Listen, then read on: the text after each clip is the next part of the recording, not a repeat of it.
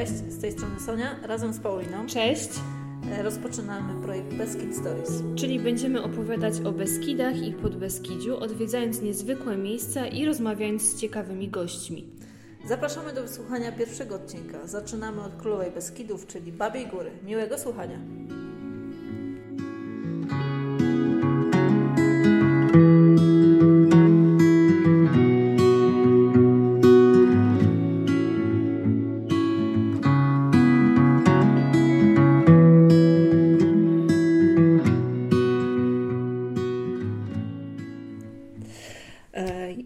Dzisiaj w, e, w siedzibie dyrekcji Babiegórskiego Parku Narodowego. E, Naszym dzisiejszym gościem jest pan e, Tomasz Pasierbek, dyrektor parku. Dzień dobry. Dzień dobry.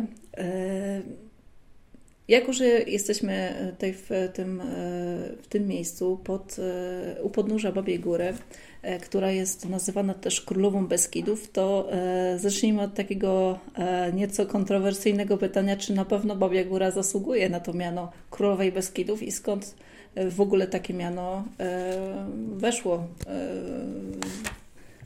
w nurt rozmów o, o górach, o Beskidach. To jest dobre pytanie, nad, nad którym wiele osób się nie zastanawia, skąd faktycznie to miano pochodzi. E, Moim zdaniem zdecydowanie zasługuje. Już sam jej widok, kiedy przyglądamy się Babiej Górze z oddali, a widać ją czasami naprawdę z dużej odległości, e, sprawia, że budzi respekt. Budzi respekt, jak przystało na prawdziwą królową, budzi szacunek, jak przystało na prawdziwą królową. Otoczona jest mnóstwem zdecydowanie niższych poddanych. No tak naprawdę Babia Góra jest górą wysoką, 1725 metrów, bo na takiej wysokości wznosi się szczyt Babiej Góry. E, Stawia ją w rzędzie gór wysokich, y, gór, których charakter zbliżony jest do charakteru alpejskiego. E, W Polsce oczywiście mamy Tatry, które są zdecydowanie wyższe niż Babia Góra, ale pomiędzy Babią Górą a Tatrami jest około 30 kilometrów no, kotliny tak naprawdę. Kotliny, której dno niższe jest od szczytu Babiej Góry o ponad kilometr. Natomiast y, to, co, Babią Górę, y, co z Babią Górą bezpośrednio sąsiaduje, czyli takie szczyty jak Polica, czy w odległości kilkunastu kilometrów Pilsko, y, nieco bliżej Jałowiec, to są góry zdecydowanie niższe niż Babia Góra. Tutaj naprawdę będąc na szczycie Babiej spogląda się zdecydowanie z, z z wysokości na otaczające ją szczyty i to sprawia, że faktycznie ten dominujący charakter tej góry jest wyraźny. No to, że właśnie to, co, to, co wspomniałem, widoczna jest y, naprawdę kilkudziesięciu kilometrów, czasami nawet dalej, y, na rozmaitych portalach, które poświęcone są tym y, dalekim widokom.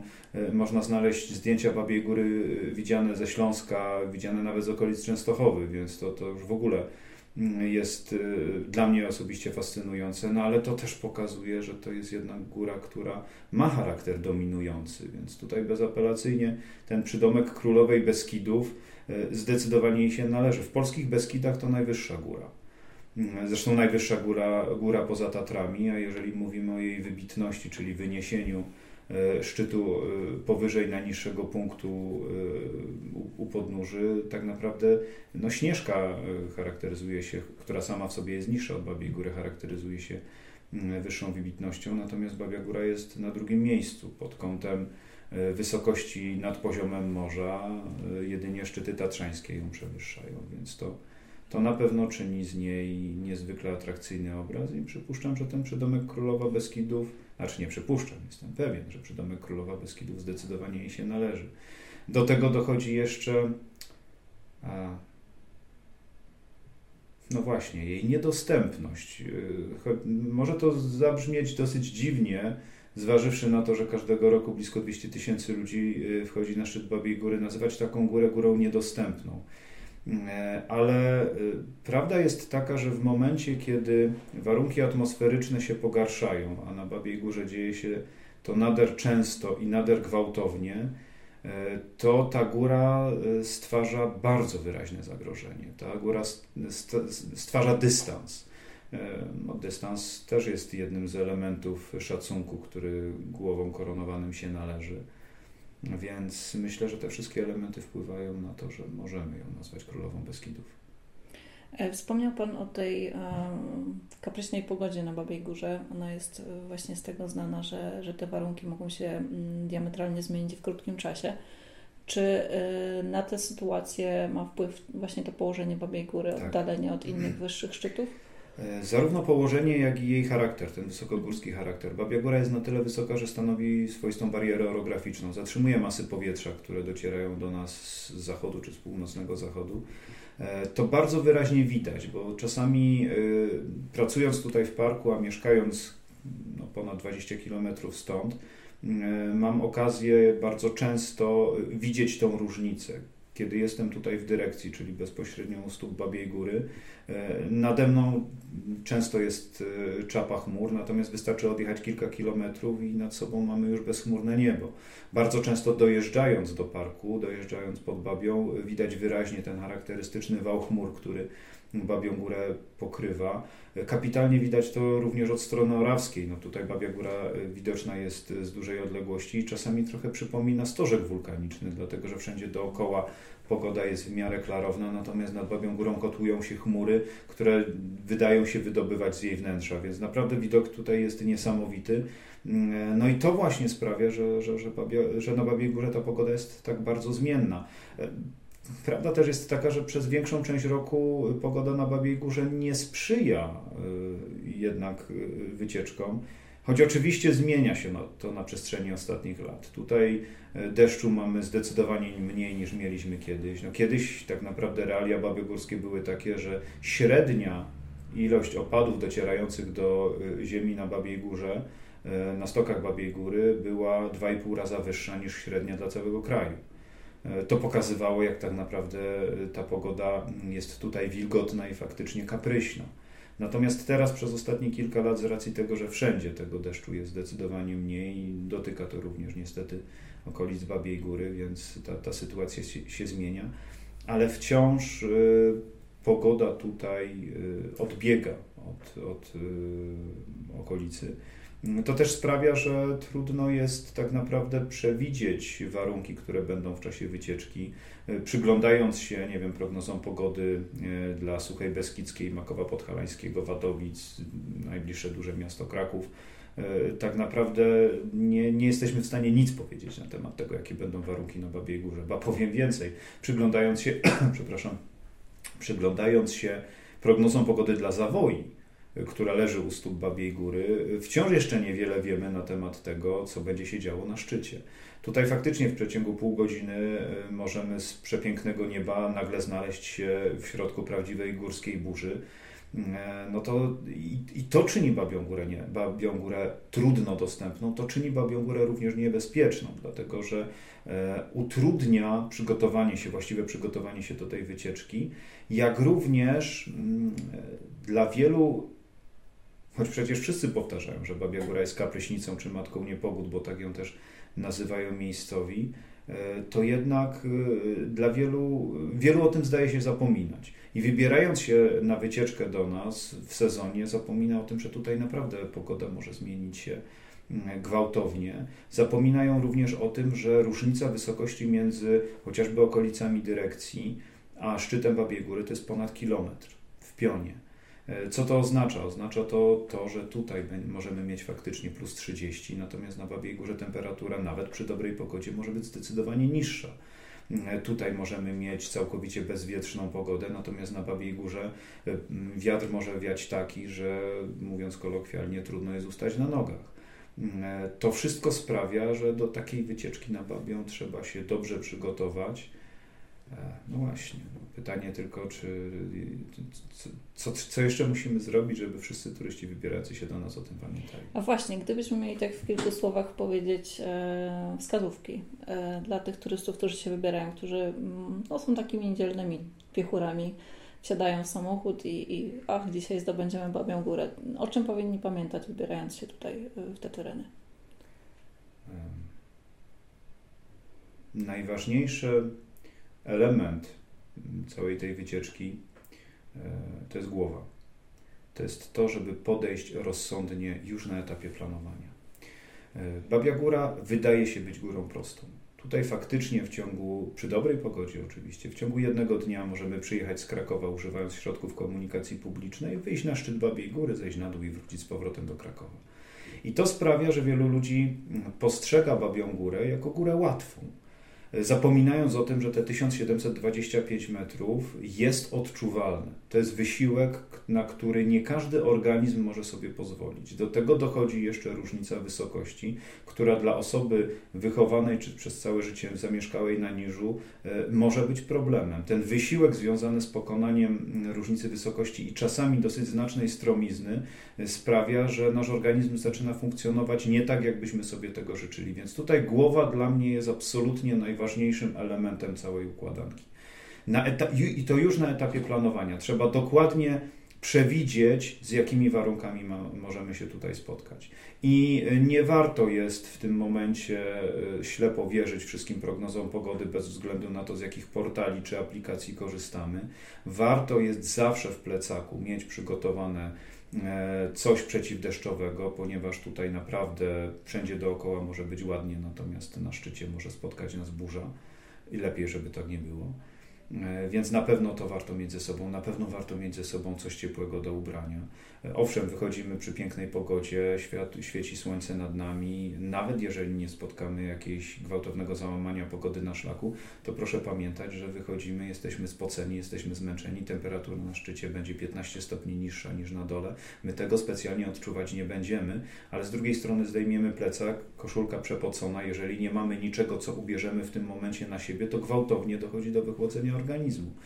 I przestaje ta wycieczka być już przyjemna. Mówiąc bardzo ogólnie, przestaje być przyjemna, a jeżeli ona przestaje być przyjemna, jeżeli do tego dojdzie jeszcze właśnie bardzo silny wiatr czy e, gwałtowne załamanie pogody, to robimy wtedy wszystko, żeby znaleźć się niżej, żeby znaleźć się w miejscu, gdzie jest ciepło, żeby znaleźć się w miejscu, gdzie nie będzie już na nas padać.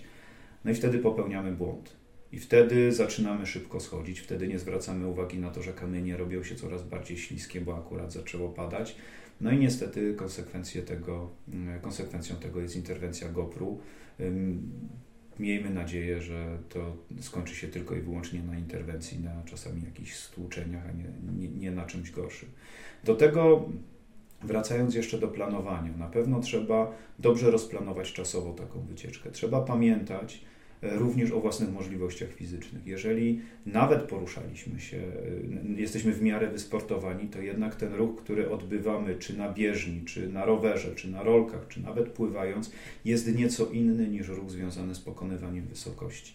E, mieliśmy taki przykład, mieliśmy grupę osób dorosłych, naukowców z jednego z polskich uniwersytetów, E, I e, pani doktor, która była z nami e, na, na wyjściu na, Babią Górę, proszę mi uwierzyć, no, sprawiała wrażenie niesamowicie wysportowanej i zresztą przyznała się, że taka właśnie jest, że kilka razy w tygodniu biega, chodzi na basen, jeździ na rowerze.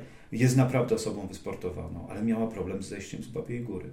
To było związane z tym, że jej organizm przyzwyczajony był do zupełnie innej aktywności do zupełnie innego zakresu ruchów niż ten, który był wymagany, kiedy wychodziliśmy do góry i kiedy schodziliśmy w dół, no trzeba ją było znosić. Trzeba ją było znosić, po prostu zablokowało jej się kolano i, i dalej nie pójdzie. Więc tutaj na pewno trzeba brać na to poprawkę. Jeżeli wiemy, że e, jeżeli już wiemy, że Babia Góra może nie być prosta, to warto jest zaplanować zdecydowanie więcej czasu na takie wyjście. Owszem, na mapach możemy znaleźć, czy na naszych drogowskazach na terenie parku możemy znaleźć średnie czasy przejścia poszczególnych szlaków. I zwykle to są czasy, w których się spokojnie mieścimy. Sprawny człowiek jest w stanie to sobie nawet skrócić ale bierzmy poprawkę na to, że coś się może wydarzyć. Bierzmy również poprawkę na to, że Babia Góra jest piękna i dla, od czasu do czasu warto jest się zatrzymać, chociażby po to, żeby powiedzieć wow tym wszystkim widokom, które będą nas otaczały. Nie ma sensu biec, no, chyba że jesteśmy biegaczami górskimi, ale to jest zupełnie inna e, klasa aktywności. Natomiast jeżeli jesteśmy normalnym turystą, który, który przychodzi tutaj po to, żeby odpocząć, naładować swoje akumulatory, nie spieszmy się dobrze zaplanujmy wycieczkę. Wiedzmy, ile ta wycieczka e, będzie trwała. Oczywiście poinformujmy swoich znajomych, gdzie się wybieramy, zwłaszcza jeżeli wychodzimy sami na Babią Górę, żeby w razie czego wiadomo było, gdzie nas szukać. To, co wspomniałem, na pewno coś przeciwdeszczowego w plecaku, na pewno coś, co będziemy mogli ubrać na siebie w momencie, kiedy temperatura spadnie, czy kiedy wyjdziemy przy pięknej pogodzie na szczyt, ale będziemy już w przemoczonym, w przemoczonym t-shircie czy przepoconym t-shircie. Na pewno picie, jedzenie to bezapelacyjnie. I tutaj ja wiem, że bardzo wiele osób w tym momencie żyje fit i, i, i dba o, o siebie i to jest fantastyczne. Natomiast mieliśmy wielokrotnie takie przykłady osób, które wybierały się na Babią Górę i po, rozpoczęły swoją wycieczkę zapomniawszy, zapomniawszy o, o śniadaniu. E, Babia Góra szybko weryfikuje, dlatego że poziom e, glukozy we krwi e, w wyniku wysiłku mięśniowego spada dosyć szybko. No i zaczynają się znowu problemy. A czasami wystarczy naprawdę zjeść dobre śniadanie, na pewno trzeba mieć coś do jedzenia w plecaku, na pewno trzeba mieć coś do picia w plecaku. Warto jest mieć ze sobą czekoladę albo batonik, bo to najlepsze źródło glukozy. Więc y, dobrze się przygotować, dobrze wyposażyć plecak, e, Zrobić to z głową, oczywiście sprawdzać prognozy pogody. To, co powiedziałem, one w przypadku Babiej Góry są obarczone sporą dozą nieufności. Tym niemniej, jeżeli prognoza pogody pokazuje, że będzie załamanie pogody albo że będzie brzydka pogoda, to naprawdę warto jest zweryfikować swoje plany i zrezygnować z tej wycieczki. Babia Góra stoi tutaj od milionów lat i zapewne jeszcze, mam nadzieję, przez miliony lat stać będzie, więc jeżeli dzisiaj nie uda nam się wyjść na Babią Górę, to nic nie stoi na przeszkodzie, żeby wrócić tutaj jutro, pojutrze, za tydzień, za miesiąc, bądź w przyszłym roku. Ona tutaj będzie czekać, tylko żeby miał kto na nią wyjść. A niestety zdarza się tak, że jeżeli przyjeżdża do nas turysta z drugiego końca Polski, to skoro już przyjechał, to musi wyjść i bez względu na to, jakie są warunki, to próbuje wyjść. Y, no i wtedy znowu pojawiają się, mogą pojawić się duże problemy. Y, I ostatnia rzecz, mówiąc już o planowaniu, czy jeszcze o planowaniu i o prognozach pogody. W lecie trzeba pamiętać, że Babia Góra jest wysoka, więc kiedy pojawią się burze, to y, obecność na grani Babiej Góry wtedy może być śmiertelnie niebezpieczna. Y, ba, burze w naszych realiach zwykle pojawiają się w godzinach popołudniowych. Więc w takiej sytuacji nie zwlekajmy z rozpoczęciem wycieczki. Wyjście o godzinie 10 z dolnych partii Babiej Góry to może być już za późno. Może się okazać, że znajdziemy się na szczycie to wszystko też jest uzależnione, którędy pójdziemy i, w jakim tempie, ale może się okazać, że znajdziemy się na szczycie w takim momencie, kiedy zdecydowanie tam nas być już nie powinno. Jeżeli zaczniemy wszelako wcześniej, nie wiem, o godzinie 7 bądź 8, to o godzinie 13 jesteśmy już na wysokości schroniska na Markowych Szczawinach bądź już niżej i tam jesteśmy już bezpieczni. Nawet jeżeli przyjdzie burza, to, to mamy schronienie i, i nie stanowi ona dla nas problemu. E, dlatego jeszcze raz podkreślam, dobre zaplanowanie wycieczki, e, rozpoznanie własnych możliwości, rozpoznanie terenu, trochę praca z mapą, bo warto się dowiedzieć, którędy sobie pójdziemy i nie być potem zaskoczonym, że wybrałem właśnie najbardziej stromy szlak, a nie tego szukałem. Ewentualnie wybrałem szlak przez las i w zasadzie tych cudownych widoków z grani nie zobaczę, bo akurat idę tylko górnym płajem do Markowych Szczawin. To tego warto się dowiedzieć. Mapy, mapy w tym na pewno e, pomagają. E, no i rozsądek. Rozsądek to jest najważniejsza rzecz, którą powinniśmy do plecaka zapakować. Od kilku lat e, pracuje Pan na stanowisku dyrektora Babiogórskiego Parku Narodowego. E, proszę nam powiedzieć, jaka była Pana droga w to miejsce i kiedy narodziła się u Pana pasja do natury, do gór? Ona się narodziła chyba wraz ze mną, mówiąc szczerze, dlatego że kiedy sięgam pamięcią, odkąd sięgam pamięcią, e, zawsze interesowałem się przyrodą, zawsze e, ciągnęło mnie do lasu, zawsze ciągnęło mnie nad rzekę, zawsze ciągnęło mnie w góry. Miałem akurat takie szczęście, że wychowałem się w gospodarstwie rolnym, więc kontakt ze zwierzętami, z przyrodą to było coś absolutnie normalnego. Dodatkowo mój tata e, jest przewodnikiem beskidzkim, więc przewodniki i mapy zawsze e, były obecne w naszym domu i nie ukrywam, że to były jedne z najfajniejszych e, zabawek, które pamiętam z dzieciństwa, jakkolwiek głupio to mm, może zabrzmiało. Uwielbiałem przeglądać atlasy. To, to naprawdę była dla mnie fantastyczna rozrywka, a książki podróżnicze czytałem jednym tchem od chyba początku szkoły podstawowej chciałem swoją ścieżkę kariery związać z, z biologią. Chciałem być biologiem. W zerówce, chyba w zerówce, tak. Chciałem być leśniczym ale to dlatego, że nie wiedziałem jeszcze wtedy, że istnieje coś takiego jak biologia. Potem moja starsza siostra już poszła do takiej klasy, że nagle biologia się pojawiła. Kiedy zobaczyłem, jakie ma fajne książki, to stwierdziłem, że, że jednak e, nie leśniczy, a biolog. E, no i konsekwentnie potem to realizowałem przez profil biologiczno-chemiczny, przez studia biologiczne na Uniwersytecie Śląskim, a wreszcie przez studia doktoranckie w Polskiej Akademii Nauk i doktorat z nauk biologicznych. E, więc tak naprawdę, no już wstyd się przyznać, od kilkudziesięciu lat mm, ta pasja we mnie się rozwija i wciąż jest mi mało. Wciąż jestem zachwycony Babią Górą. Babia Góra zresztą zawsze była moim marzeniem. Praca tutaj w parku, e, zwłaszcza z racji tego, że mieszkałem niedaleko, bo mieszkałem w Suchej Beskidzkiej, mm, więc kilkanaście kilometrów stąd. I to było zawsze, Babia Góra zawsze mnie przyciągała. E, kiedy już potem poszedłem czy do szkoły średniej, czy potem na studia, praca w parku była tutaj, była zawsze moim marzeniem i e, bardzo byłem zadowolony, kiedy w roku 2005 e, udało mi się znaleźć pracę tutaj w parku. No i od tamtej pory pracuję na rozmaitych stanowiskach, a od już w sumie 6 lat jako dyrektor co, czego nigdy nie planowałem i co nawet nie było absolutnie w mojej sferze marzeń. Wystarczającym spełnieniem marzeń dla mnie była praca w Parku Narodowym. Nigdy nie myślałem o tym, że e, będę miał zaszczyt odpowiadać za ten park, natomiast teraz od 6 lat e, ten zaszczyt jest moim udziałem, z czego bardzo się cieszę. Powiedzieliśmy już nieco o, walor, o walorach samej Babiej Góry jako, jako szczytu. E, ale właśnie teraz e, chciałabym się e, chwilę zatrzymać przy walorach Parku Narodowego, bo to nie tylko Babia Góra, to dużo większy teren. Co takiego wyjątkowego jest właśnie tutaj?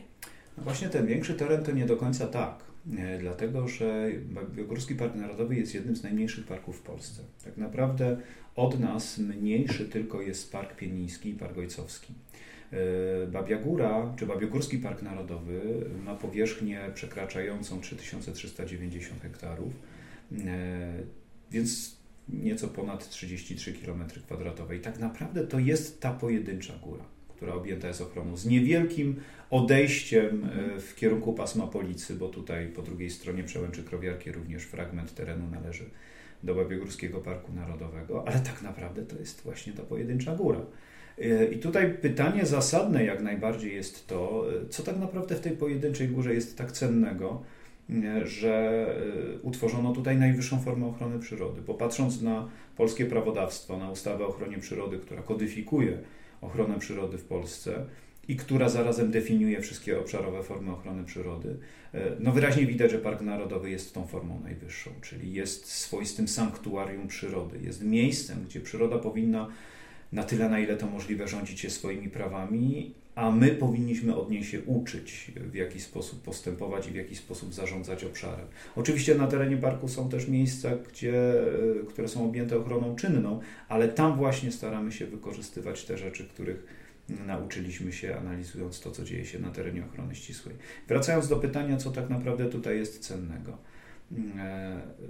E, można byłoby wiele wymieniać, y, ale na pewno do takich najistotniejszych rzeczy, które najczęściej pojawiają się, kiedy mówimy o Babiej Górze, to są cztery piętra klimatyczno-roślinne.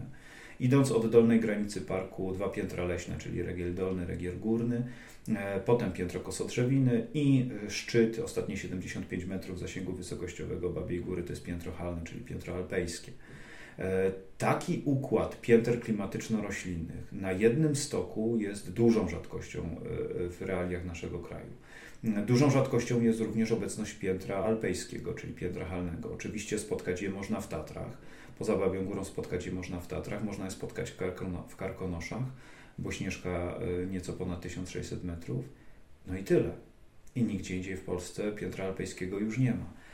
A z kolei piętro alpejskie to murawy, to niskie rośliny przytulone, gdzieś pochowane między skałami w ekstremalnych warunkach przyrodniczych, bo tak naprawdę klimat y, panujący na tej wysokości to jest klimat zbliżony do warunków za kołem podbiegunowym, do tundry. arktycznej. Więc tak naprawdę no, tą namiastkę powiedzmy strefy arktycznej mamy właśnie gdzieś pod szczytem Babiej Góry. Tutaj możemy zobaczyć jak przyroda jak twarde warunki stawia przyroda y, przed y, roślinami i zwierzętami, które występują na tej wysokości. I to sprawia, że y,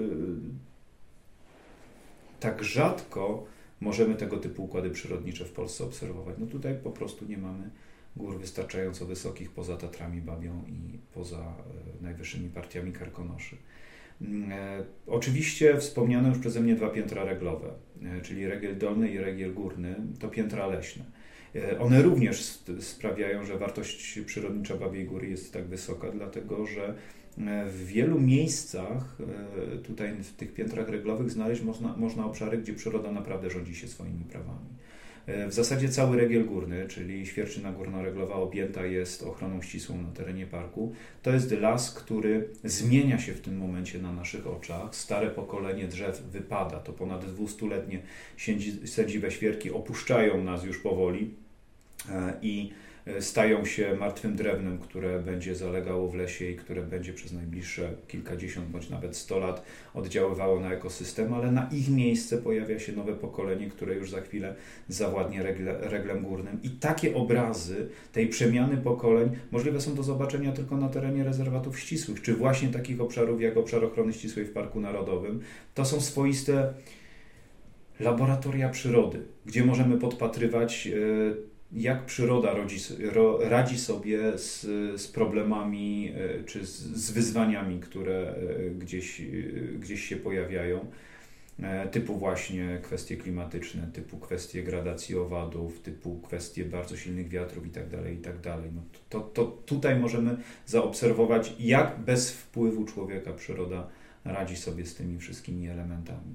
W reglu dolnym z kolei mamy w tym momencie trzy obszary, które objęte są również ochroną ścisłą, które prawdopodobnie stanowią najlepsze, najlepiej zachowane w Polsce pozostałości pierwotnej Puszczy Karpackiej, czyli takiej, takich lasów, które niegdyś porastały w zasadzie całe Beskidy czy całe Karpaty w Polsce, a w tym momencie są bardzo mocno przetrzebione a w zasadzie zmienione całkowicie przez y, wyniku gospodarki człowieka, bo lasy te nie mają nic wspólnego z obszarem zagospodarowanym e, czy zarządzanym przez człowieka. Tam również przyroda rządzi się swoimi prawami. Każdy z nas gdzieś ma obrazy puszczy, cudownej Puszczy Białowieskiej jako ostatniej e, naturalnej puszczy niżowej e, w Europie. Natomiast podobne układy przyrodnicze oczywiście na nieco inną skalę i, i, w trochę innych realiach, bo w realiach górskich znaleźć można właśnie w tych obszarach dolnoreglowych Babiej Góry. Mieliśmy przyjemność kiedyś gościć jednego z pracowników, innego e, naukowców z, z, jednego z parków narodowych, który e, wędrując przez te obszary ochrony ścisłej powiedział, że takie obrazki to oglądał tylko na filmach przyrodniczych do tej pory. Wiem, że to, co zapewne Państwo, czego zapewne Państwo będziecie słuchać w tym podcaście, nie zawsze do końca jest do zobaczenia, bo to, to co opisuję, to są obszary, gdzie turysta nie ma wstępu. To jest sanktuarium przyrody, gdzie przyroda rządzi się swoimi prawami, człowiek jest tylko gościem i im rzadszym gościem, tym lepiej. Taka jest prawda, dlatego tam nie ma szlaków turystycznych, choć przez niektóre miejsca czy w okolice niektórych obszarów ochrony ścisłej jak najbardziej e, szlakami można się dostać, nawet i, i w te rejony dolnoreglowe. Natomiast do wnętrza ich nie wejdziemy, ale zapewniam Państwa, że, że tak to właśnie wygląda, że to są cudowne obszary, które naprawdę są świątyniami przyrody, e, gdzie człowiek może się uczyć bardzo wiele, albo przynajmniej zrozumieć, jak niewiele wciąż umie. Domyślam się, że e, ten rodzaj obcowania z przyrodą, kiedy można choćby pracując w parku, dostać się właśnie do tych obszarów, gdzie przeciętny turysta nie ma możliwości wejść, no, musi być fascynującym doznaniem. Także zazdrościmy. zazdrościmy. E, ale co do pracy w parku. Mm, słuchając Pana, wyczuwam e, już zresztą po pierwszej rozmowie telefonicznej, że, że no, ta praca jest Pana pasją. E, ale jakie trzeba mieć predyspozycje, żeby właśnie pracować w Parku Narodowym? Ta praca jest pasją nie tylko moją, bo tak naprawdę, żeby pracować w Parku Narodowym, trzeba być pasjonatem. To nie jest prosta praca. To jest praca bardzo wymagająca, dlatego że Park Narodowy jest bardzo specyficzną instytucją, która z jednej strony jest formą ochrony przyrody, z drugiej strony jest instytucją, pewnym elementem administracji, z kolejnej strony jest pracodawcą, z kolejnej strony jest usługodawcą, który kontraktuje usługi na wolnym rynku, więc tak naprawdę tych wszystkich elementów, które tworzą układankę nazywaną Parkiem Narodowym jest bardzo wiele i w zasadzie pracownicy parku powinni znać się na wszystkim. Powinni znać się na budowlance, na zamówieniach hmm. publicznych, na kwestiach związanych z bezpieczeństwem, na kwest... oczywiście na kwestiach związanych z ochroną przyrody, to bezapelacyjnie i to powinno być na początku wymienione. Ale jest wiele innych dodatkowych elementów, które również od nas y, są wymagane i które y, decydują o tym, czym Park Narodowy jest, więc to nie jest prosta praca. E, to jest również praca wymagająca o tyle, że e, jeżeli chcemy ją poważnie traktować, to no nie sposób jest jej, ją realizować, nie sposób jest mówić o ochronie przyrody, jeżeli w tej przyrodzie się nie jest. Nie sposób jest mówić o ochronie przyrody siedząc wyłącznie z zabiórka. E, więc to wymaga pójścia w teren. Tutaj bardzo często, kiedy spotykamy się gdzieś na szlaku, z turystami zadają nam pytanie, jak często w teren wychodzimy. No im częściej, tym lepiej. Ja niestety jako dyrektor e, z bólem serca to mówię, potrzebuję mieć dobrego alibi, żeby wyjść w teren. Te, te kwestii, tych spraw administracyjnych i papierkowej roboty jest tak wiele, że niestety e, czasami mam wrażenie, że już zapuszczam powoli korzenie pod biurkiem, ale z wielkim upodobaniem te korzenie jak najczęściej wyrywam po to, żeby chociaż na chwilę pójść do lasu, żeby chociaż na chwilę pójść w górę. E, jeżeli chodzi o wykształcenie, e, to tak naprawdę w parku pracują, zresztą w parkach narodowych, nie tylko w naszym parku, ale w parkach narodowych pracują ludzie z bardzo różnym wykształceniem. I tutaj w zależności od tego, czy mówimy o służbie Parku Narodowego, czyli takiej formacji mundurowej, która jest wydzielona wewnątrz e, Parku Narodowego, czy też o administracji Parku Narodowego, to te wymagania będą zupełnie inne. W służbie Parku Narodowego najczęściej pojawiają się osoby, które mają wykształcenie przyrodnicze. To mogą być osoby z wykształceniem biologicznym, to mogą być geografowie, to mogą być oczywiście osoby z wykształceniem leśnym, bo wiele parków, czy większość parków narodowych w Polsce to parki, które na swoim obszarze mają duże obszary leśne. Więc tutaj y, właśnie to wykształcenie przyrodnicze w służbie Parku Narodowego będzie odgrywało rolę. Natomiast w administracji mamy osoby z bardzo różnym wykształceniem i z bardzo różnymi umiejętnościami. Potrzebujemy ludzi, którzy zajmują się zamówieniami publicznymi, potrzebujemy ludzi, którzy zajmują się kwestiami finansowo-księgowymi, którzy, którzy zajmują się sprawami kadrowymi, którzy zajmują się bezpieczeństwem i higieną pracy, którzy zajmują się bezpieczeństwem PPOŚ, którzy zajmują się, którzy zajmują się sprawami budowlanymi, inwestycyjnymi. Potrzebujemy informatyków, potrzebujemy osób do obsługi itd., tak itd. Tak potrzebujemy oczywiście osób, które będą prowadziły również e, działania edukacyjne. E, to wszystko uzależnione jest od specyfiki parku, więc tak naprawdę e, spektrum zarówno wykształcenia, jak i pożądanych umiejętności jest tutaj naprawdę bardzo szeroki. W służbie parku dominują kwestie przyrodnicze bo pamiętać należy, że najważniejszym zadaniem Parku Narodowego jest ochrona przyrody. I o tym nie wolno nam nigdy zapominać, i dlatego tutaj to będzie zdecydowanie nadrzędne. Ale jeżeli ktoś nie ma wykształcenia przyrodniczego, a jest pasjonatem i chciałby poświęcić swoje życie dla ochrony przyrody e, w parkach narodowych, to też jest prawdopodobieństwo, że może znaleźć tutaj swoje miejsce. Wspominał Pan e, wcześniej o zmianach klimatycznych. Proszę nam powiedzieć, z jakimi problemami e, musi mierzyć się obecnie park, e, jakie wyzwania stoją przed Panem jako dyrektorem, ale też właśnie e, Pana pracownikami? To jest dobre pytanie, dlatego że naprawdę z roku na rok obserwujemy, że przyroda na naszych oczach się zmienia. E, można się zgadzać bądź nie zgadzać z kwestiami zmian klimatycznych i nie jest to przedmiotem naszej dyskusji, ale bezapelacyjnie należy stwierdzić, że przyroda zmienia się. I to zmienia się w tempie, które jest, e, nie boję się tego powiedzieć, zatrważające. Strumienie, które w wielu miejscach, również i na terenie parku, płynęły jeszcze w roku 2005, kiedy y, zaczynałem pracę w parku. W tym momencie w wielu miejscach mamy już do czynienia z wyschniętymi korytami, więc y, ten brak wody zaczyna odbijać się coraz bardziej na przyrodzie.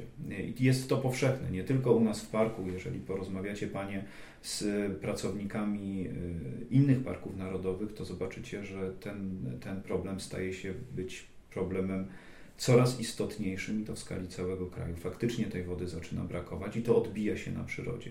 Musimy pamiętać o tym, że rośliny bez wody sobie nie poradzą.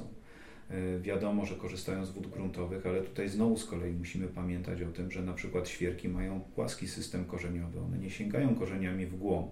One mają ten system talerzowy, który jest bardzo szeroki, ale jest płytki. W związku z tym, jeżeli nastąpi spadek wód gruntowych w wyniku tego, że mamy do czynienia z osuszeniem klimatu, czy po prostu mamy bardzo suchy rok, to z kolei odbija się na kondycji świerka. Świerki stają się coraz słabsze, no bo wody nie ma. A to z kolei czyni je zdecydowanie łatwiejszymi ofiarami ataku czy rozmaitych grzybów, czy rozmaitych owadów, takich jak, nie wiem, jeśli mówimy o grzybach opieńka miodowa, czy jeżeli mówimy o owadach kornik. Jeżeli świerk jest zdrowy, e, a intensywność działania tych owadów nie jest e, jakoś, jakaś ekstremalna, to świerk może sobie z tym poradzić, dlatego że e, część wżerów zostanie zalana żywicą. No ale jeżeli nie ma wody, po którą mógłby sięgnąć świerk swoim płaskim systemem korzeniowym, to nie ma z czego produkować żywicy. Więc tutaj ten system cały ulega zachwianiu. Bardzo dobrze obserwowaliśmy to w roku 2015, gdzie mieliśmy bardzo suchy rok i w wielu miejscach w Polsce w kolejnym roku zaznaczyło się bardzo intensywnie, no wręcz zamieranie świerka. E, zresztą ono też, e, to zamieranie świerka w, w realiach całych polskich Karpat postępuje już od kilkunastu czy kilkudziesięciu wręcz lat, więc to, to, to obserwujemy, że tutaj ta dynamika zamierania drzewostanów świerkowych jest naprawdę duża, więc to jest na pewno jeden z czynników, który wpływa, czyli kwestia dostępności wody. E, a jest jej coraz mniej. Naprawdę te strumienie e, zdają się wyschać niemalże na naszych oczach. Rzeki, które płyną tutaj gdzieś w okolicach Babiej Góry, e, Przecież z dzieciństwa pamiętam, że w wielu miejscach na Skawie, kilkanaście kilometrów stąd, woda była na tyle głęboka, że przykrywała dorosłego człowieka. Natomiast w tym momencie w tych samych miejscach można przejść przez rzekę i w zasadzie nie zamoczy się kolan więc y, no, dzieje się coś niedobrego, to, to, to na pewno.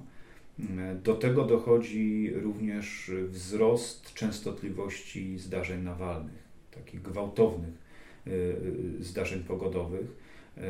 No to, to trochę dziwnie brzmi. Z jednej strony narzekamy na to, że wody nie ma, ale z drugiej strony narzekamy na to, że kiedy już się pojawi, to jest jej bardzo dużo. No ale taka jest prawda. Tutaj przez kilka tygodni może nie spaść kropla deszczu, po czym będziemy mieć jeden dzień takiej ulewy, że spadnie niemalże tyle, ile powinno spadać przez te kilka tygodni, tylko że spadnie w ciągu jednego dnia. Konsekwencja tego jest taka, że mamy gwałtowny spływ powierzchniowy. Po pierwsze, ta woda znika, ona nie wsiąka, ona spływa, więc nie pozostaje po niej w zasadzie śladu. A druga rzecz, y, no, siła takiej górskiej, górskiej wody jest, y, jest ogromna, kiedy ona zaczyna spływać strumieniami, w których się gromadzi, spływając y, po powierzchni dużych stoków o, dużych, o dużym nachyleniu, no ma niesamowitą siłę. Ona po prostu przenosi skały, przenosi, wyrywa drzewa, przenosi skały, to wszystko obserwujemy. Do tego, tego typu deszcze nawalne bardzo często powodują uszkodzenia czy szlaków turystycznych, czy dróg na terenie parku, tworzą się leje erozyjne i, nie, i to, to, to zaczyna być dużym problemem również. E, zupełnie, zupełnie inna sytuacja byłaby, gdyby ten sam deszcz był rozłożony na tydzień, dwa, to wtedy przyroda by odżyła, wtedy tej wody byłoby w ekosystemie zdecydowanie więcej. Ona tutaj pojawia się punktowo na chwilę, a potem znika. Pojawiają się coraz częściej bardzo silne wiatry. E, Babia Góra znana jest z tego, że tutaj zawsze bardzo silnie wiało. E, natomiast e, no, coraz częściej z tymi silnymi wiatrami mamy do czynienia. One również oczywiście powodują gwałtowne zmiany. Nie chcę powiedzieć szkody, bo to e, nie w kategoriach gospodarczych powinniśmy to rozpatrywać, ale powodują zmiany w ekosystemach na terenie parku, wywracając drzewa, wyłamując drzewa na dużych obszarach leśnych. To wszystko sprawia, że ta dynamika zmian przyrodniczych na terenie parku jest zdecydowanie wyższa niż e, zapewne jeszcze kilkadziesiąt lat temu. E, czy to jest problem? Moim zdaniem nie. Dlatego, że owszem, człowiek spowodował taką dynamikę, bo bezapelacyjnie to, to mm, tempo tych zmian, które obserwujemy, to nie jest tempo naturalne, to jest tempo wynikające z działalności człowieka. Natomiast no, przyroda radzi sobie z tym wszystkim, e, natomiast no, stawiamy, jako ludzie stawiamy jej e, wyzwania, których chyba nie potrzebuje tak naprawdę. No, ona powinna radzić sobie e, z wyzwaniami naturalnymi. My nie musimy tutaj obarczać Babiej Góry dodatkowo jeszcze problemami wynikającymi z naszej działalności. No ale tak, na pewno, na pewno te zmiany w ekosystemach są obserwowane, właśnie chociażby z powodu braku wody, z powodu e, tych e, zdarzeń nawalnych. E, możemy, patrząc chociażby na granice pięter klimatyczno-roślinnych, patrząc na to, co dzieje się zwłaszcza na granicy piętra kosodrzewiny, piętra alpejskiego, obserwujemy przesuwanie się ku górze zasięgów poszczególnych roślin. Może to doprowadzić w perspektywie, chociaż tutaj to jest na razie tylko i wyłącznie pewna hipoteza czy dywagowanie, może to doprowadzić w perspektywie niemalże do zaniku piętra alpejskiego, dlatego że warunki, które do tej pory były bardzo surowe i nadal są bardzo surowe, jednak zaczynają się zmieniać. I w tym momencie zasięgi roślin, które były bardzo e, limitowane przez te trudne warunki, postępują ku górze gdybyśmy się spotkali za 30 lat, to pewnie obraz Babiej Góry będzie zupełnie inny niż, niż jest teraz. E, I częściowo będzie to spowodowane również działalnością człowieka i właśnie tymi zmianami, o których mówimy.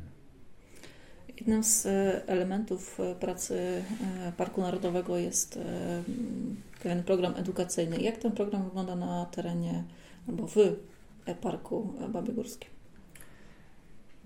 Każdy park narodowy w Polsce ma kilka zadań, które ustawa o ochronie przyrody przed parkiem stawia.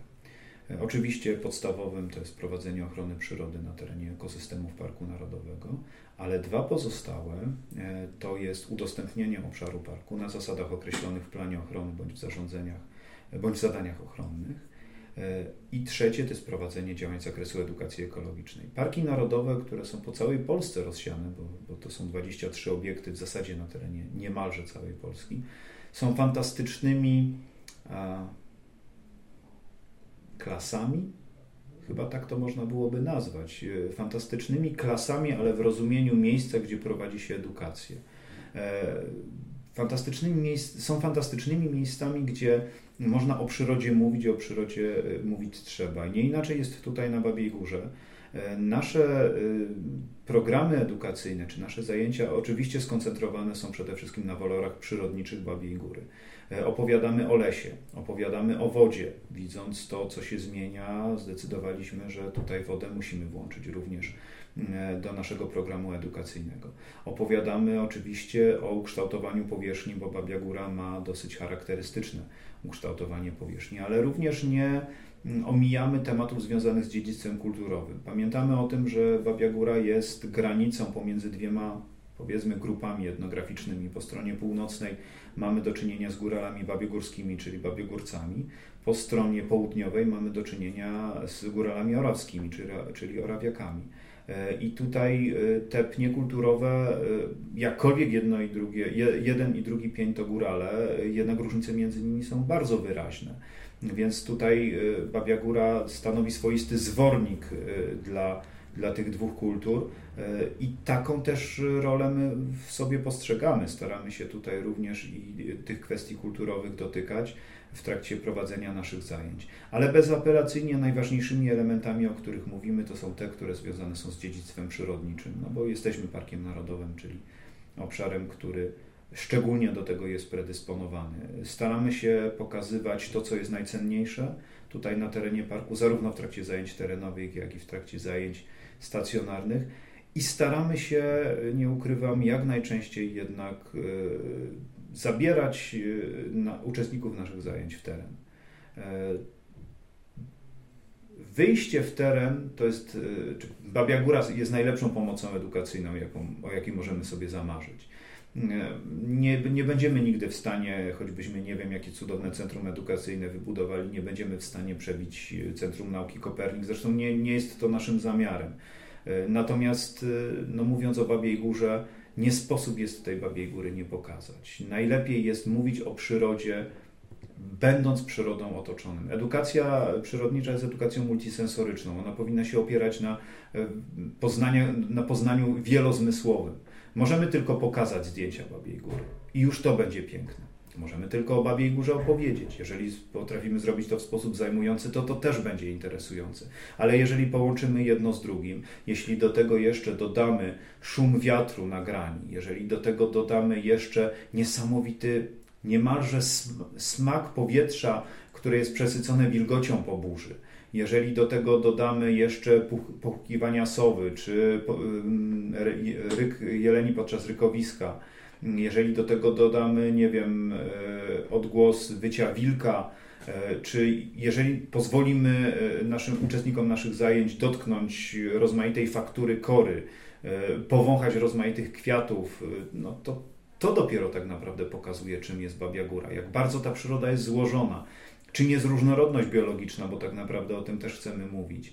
No tego nie da się zrobić inaczej, więc tutaj jak najbardziej chcemy jak najczęściej wychodzić w teren, Aczkolwiek prowadzimy oczywiście również zajęcia edukacyjne, chociażby z tego powodu, że jednak Matka Niepogód nie zawsze chętnie swoje oblicze przed nami odkrywa.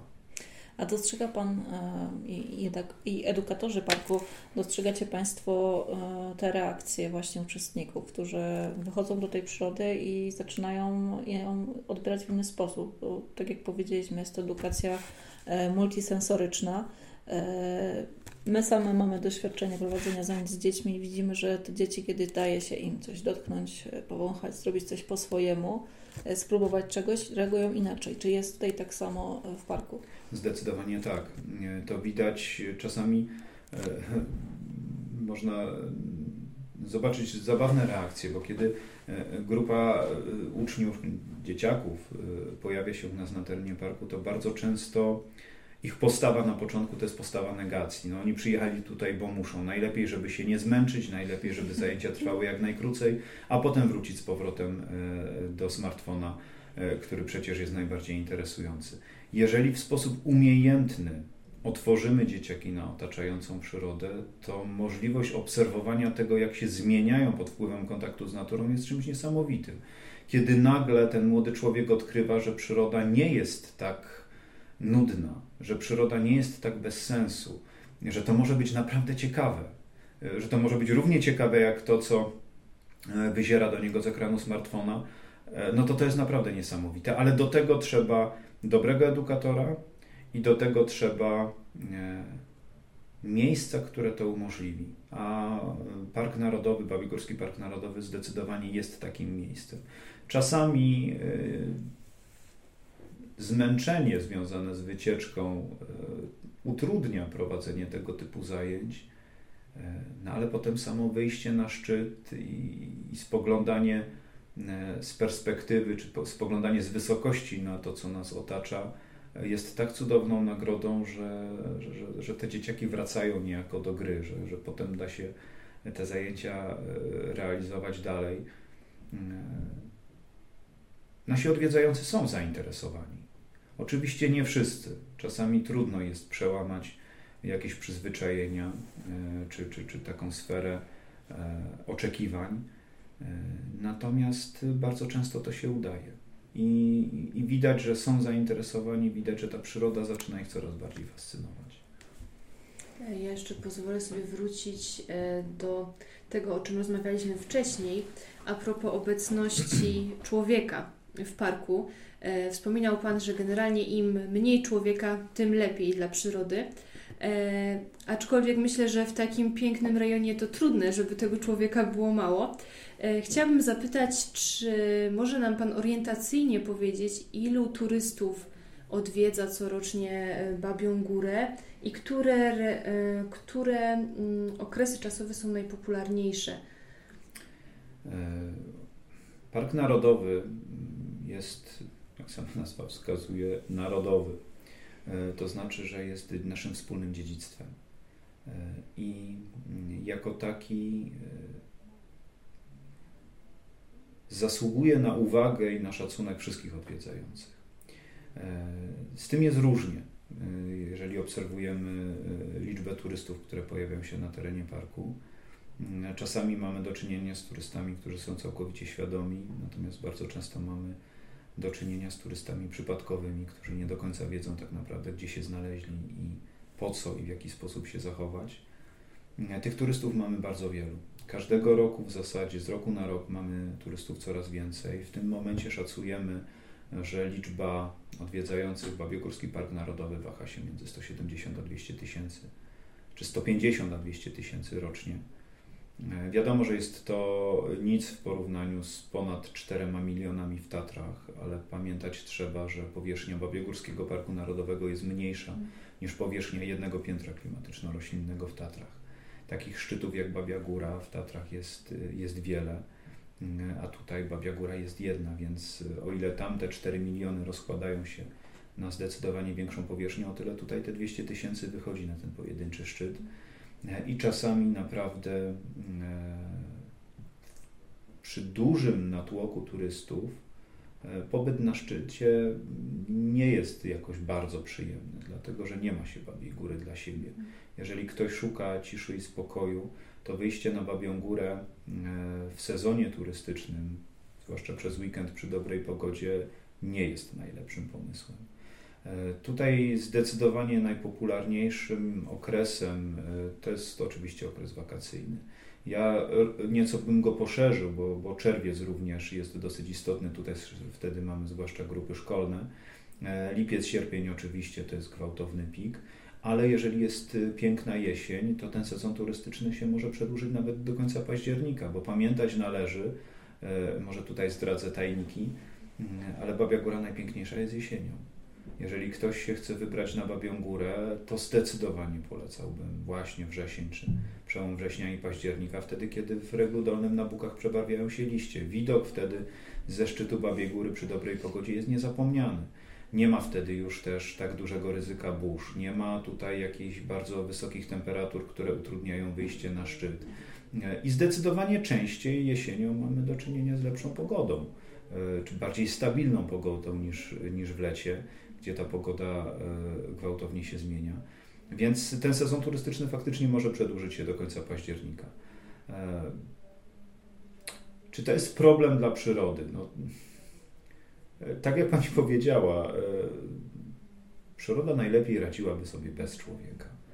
Ale z drugiej strony żyjemy w takim kraju i w tak gęsto zaludnionym obszarze, że trudno jest oddzielić e, przyrodę od człowieka i najlepiej jest w tym momencie racjonalnie pozwolić człowiekowi tą przyrodę poznawać i podziwiać, oczywiście na określonych zasadach, które powinny być honorowane przez każdego odwiedzającego, po to, żeby zminimalizować wpływ człowieka na przyrodę, a z drugiej strony, żeby w ten sposób trochę wygrać akceptację społeczną. E, dlatego że ochrona przyrody jest e, działaniem trudnym i czasami kontrowersyjnym. I bez wsparcia ze strony społeczeństwa bardzo trudno jest ochronę przyrody prowadzić. A jeżeli odwiedzający Park Narodowy, Babiogórski Park Narodowy wyjeżdżają od nas ze świadomością tego, że to jest piękne miejsce i warte ochrony, to zdecydowanie łatwiej jest potem z nimi rozmawiać, czy na nich budować to poparcie społeczne dla istnienia obszarów chronionych, niekoniecznie na Babiej Górze, ale w innych miejscach w Polsce również.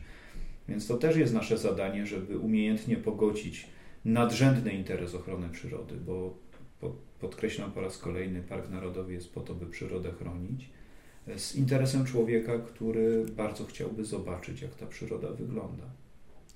A czy okres pandemii e, wpłynął w znaczący sposób na zmianę ruchu turystycznego albo zmianę kultury e, uprawiania turystyki na terenie parku? Mm, zdecydowanie tak. Mm, ale w, co ciekawe, chyba nie w stronę, której się spodziewaliśmy. Dlatego, że e, w okresie pandemii przez pewien czas parki narodowe były zamknięte. Na początku okresu pandemii, kiedy tak naprawdę nie do końca wiedzieliśmy, w jaki sposób poradzić sobie z zarządzaniem ruchem turystycznym i na ile jest ryzykownym pojawienie się dużej grupy ludzi w jednym miejscu, a są takie te obszary na terenie Parku Narodowego, gdzie turyści siłą rzeczy kumulują się na niewielkiej przestrzeni. Nie wiedząc w jaki sposób, jeszcze wtedy nie wiedząc w jaki sposób sobie z tym poradzić, no parki narodowe zostały na pewien czas wyłączone z ruchu turystycznego. E, natomiast kiedy ponownie wróciły do gry, to nagle okazało się, że całe nasze społeczeństwo e, gwałtownie zapragnęło pobytu na terenie parków narodowych, na terenie lasów, że nie wyobrażamy sobie w tym momencie życia e, bez ojczystej przyrody, z czego nie ukrywam, bardzo się cieszymy, bo, bo, bo oczywiście to też jest zadanie Parku Narodowego, żeby wzbudzać zainteresowanie i, i takie dobre uczucia w społeczeństwie. E, no ale skończyło się to tym, że każdego roku pandemicznego mieliśmy rekordy frekwencji na terenie naszego parku. Turyści, którzy prawdopodobnie nie mogli bądź nie chcieli wyjeżdżać za granicę, a nie chcieli pozostać w domu, E, dla nich Babia Góra była fantastyczną, czy parki narodowe były fantastyczną odskocznią, gdzie można było spędzić swój urlop i mieliśmy tutaj grono turystów, e, które, którzy pojawili się u nas, a prawdopodobnie gdyby mogli wyjechać za granicę e, gdzieś na, nad ciepłe morza, na plażę, to pewnie by się nigdy tutaj nie pojawili, ale pojawili się. Dla wielu osób wówczas przyroda polska czy polskie parki narodowe e, stały się odkryciem. E, bo wielu z nas wyjeżdża za granicę, jesteśmy zafascynowani przyrodą, którą tam widzimy, a nie zdajemy sobie sprawy z tego, z jakimi perłami mamy do czynienia czasami kilkadziesiąt kilometrów od domu. Więc bardzo się cieszymy z tego, że ci ludzie się tutaj pojawili. Część z nich została, część z nich wraca e, czy jeździ po parkach narodowych już któryś rok z rzędu, traktując to jako świetną alternatywę dla dalekich wyjazdów wakacyjnych ale faktycznie tych turystów mieliśmy e, z roku na rok coraz więcej. Niestety wielu z nich to byli turyści przypadkowi, którzy nie wiedzieli e, w jaki sposób przygotować się do, do, do, do tej wycieczki. E, no ale tak, no, no, trudno też się dziwić, jeżeli byliśmy zamknięci w, w, gdzieś w czterech ścianach i nagle mogliśmy wsiąść w samochód i przyjechać do tak pięknego miejsca, to czemu tego nie zrobić? Mnie, ponieważ wtedy bardzo często hotele były zamknięte, mnie fascynowali ludzie, którzy z Warszawy wyjeżdżali o godzinie drugiej, trzeciej nad ranem po to, żeby na ósmą rano być na krowiarkach, wyjść na Babią Górę i na wieczór wrócić do swojego domu w Warszawie. E, a było takich wielu. Więc, e, no ale to też pokazało, jak ważne jest dla nich e, kontakt z tą górą i, i, i z, z, tą naszą cudowną przyrodą, skoro byli w stanie poważyć się na, na takie wyrzeczenia żeby w jeden dzień tutaj przyjechać. Jednym z popularniejszych e, kierunków e, jest wschód słońca prawda? na Babiej Górze. Teraz tak. Ostat... mam wrażenie, że w ostatnich sezonach e, ta popularność e, wschodu słońca e, poszła wysoko w górę i tam pod, na krowiarkach robią się ogromne e, kolejki. Jak, jak do takiego ruchu y, stosunkuje się park? Czy, czy to jest jakieś zagrożenie właśnie y, taki natłok ludzi? I tak, i nie. E, jesteśmy chyba jedynym parkiem narodowym w Polsce, który świadomie pozwala na to, żeby wyjść na wschód słońca, na, na, na szczyt góry. E, pozostałe parki górskie, z tego co wiem, objęte są zakazem poruszania się w nocy. E, natomiast y, no, Babia Góra zanim jeszcze powstał Park Narodowy, już była słynna właśnie ze wspomnianych przez Panią wschodów słońca i trudno jest w tym momencie e, limitować dostęp do, do, do, do, do, tych, tej cudownej atrakcji, e, czy całkowicie e, ten dostęp tutaj zlikwidować, zanegować. Zdaniem wielu, i to bynajmniej nie pracowników parku, czy nie tylko pracowników parku, z racji położenia i, i, i charakteru Babiej Góry wyższej niż wszystkie otaczające ją góry, e, wschody słońca z Babiej, widziane z Babiej Góry należą do najpiękniejszych w Europie. Mm, I to będzie przyciągało ludzi.